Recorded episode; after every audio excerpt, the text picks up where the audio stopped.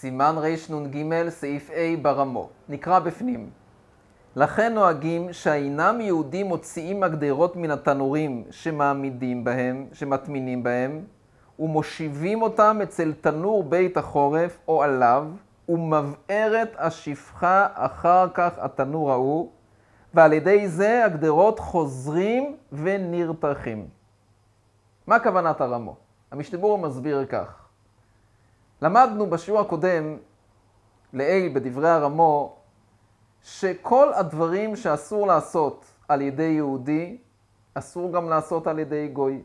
לא רק דברים שליהודי אסור לעשות מדאורייסה, כמו לבשל, גם דברים כאלה שליהודי אסור לעשות מדרבנון.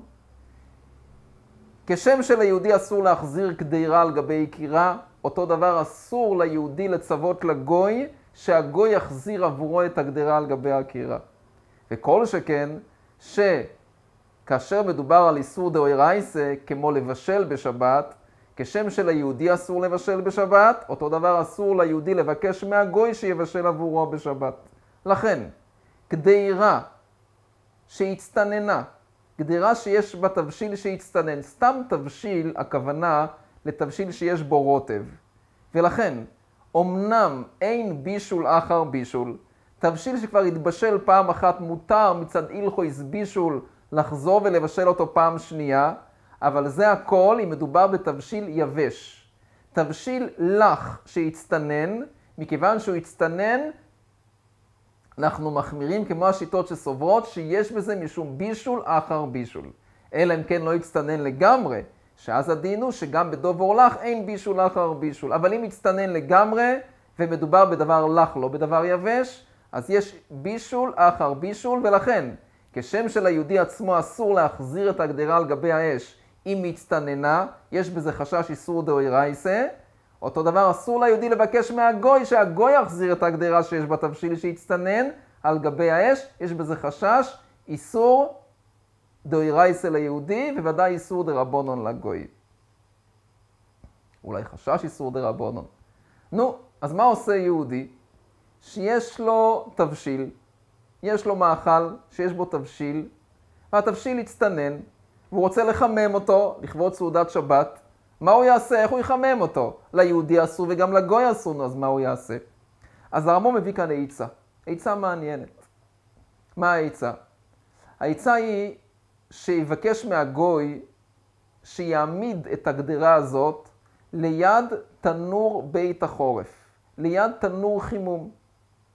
עוד מעט תבוא שפחה, והשפחה תבעיר אש בתנור החימום כדי לחמם את הבית. מותר לשפחה שעובדת בבית של יהודי להבעיר את האש בתנור החימום. כי אקו הלכוילים אצל צינו, אף על פי שאמיר לעכו"ם אסורה, אסור ליהודי לבקש מגוי שיעשה עבורו דברים בשבת שליהודי עצמו אסור לעשות אותם. אז איך מותר לשפחה להבעיר אש בתנור חימום בבית של יהודי? התשובה היא אקו הלכוילים אצל צינו. כלפי צינה ביחס לקור כולם נחשבים כחולים, במוקו עם חוילי לא יגוזרו רבונון. אז נמצא אם כן ככה. שלב ראשון, יניח הגוי את הגדרה איפה? ליד התנור, ליד תנור החימום. שלב שני, תבוא השפחה ותבעיר אש בתנור החימום. היא תחמם את הבית, ומה היא עוד תחמם? את הקדירה עם התבשיל שנמצא ליד התנור. נו, אז נשאלת השאלה, למדנו מקודם שאסור, שכל מה שאסור ליהודי לעשות, אסור לו גם לבקש מהגוי שיעשה. אז איך מותר ליהודי להעמיד את הגדירה ליד תנור החימום? הרי השפחה עוד מעט מבעירה אש. כאשר היא מבעירה אש בתנור החימום, היא תחמם גם את התבשיל. את התנור החימום מותר לה להפעיל, כי עכו ילכוילים אצל צינו. אבל מה היתר לחמם את התבשיל שהצטנן? התשובה היא, וזה יסוד גדול, כיוון שהשפחה לא מתכוונת לחימום התבשיל, השפחה מתכוונת להבעיר את התנור של החימום, אף על פי שבפסיק רישה. כלומר, הדבר מוכרח שהיא גם תחמם את התבשיל שנמצא ליד תנור החימום, פסיק רישה באמיר אלה אקום מותר, כיוון שהיא לא מתכוונת לכך. יש בזה גם היגיון. באמיר אל אקום חז"ל אסרו רק מה שהגוי מתכוון, לא דברים שיוצאים ממלאכת הגוי, זה חז"ל לא אסרו.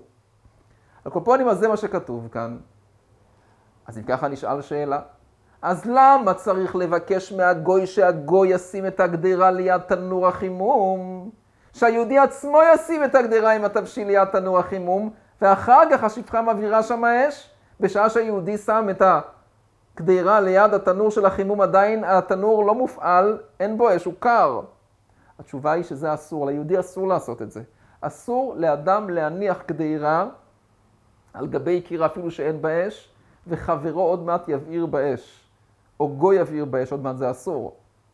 רק לגוי מותר. אז נמצא אם כן, מותר ליהודי לבקש מהגוי שישים את הגדרה עם התבשיל ליד התנור, אחר כך השפחה מבעירה את התנור, וממילא היא מחממת את התבשיל. אבל המשתברור מדגיש שזה הכל כאשר התבשיל מונח על גבי תנור כזה שלא הדרך לחמם שם אוכל.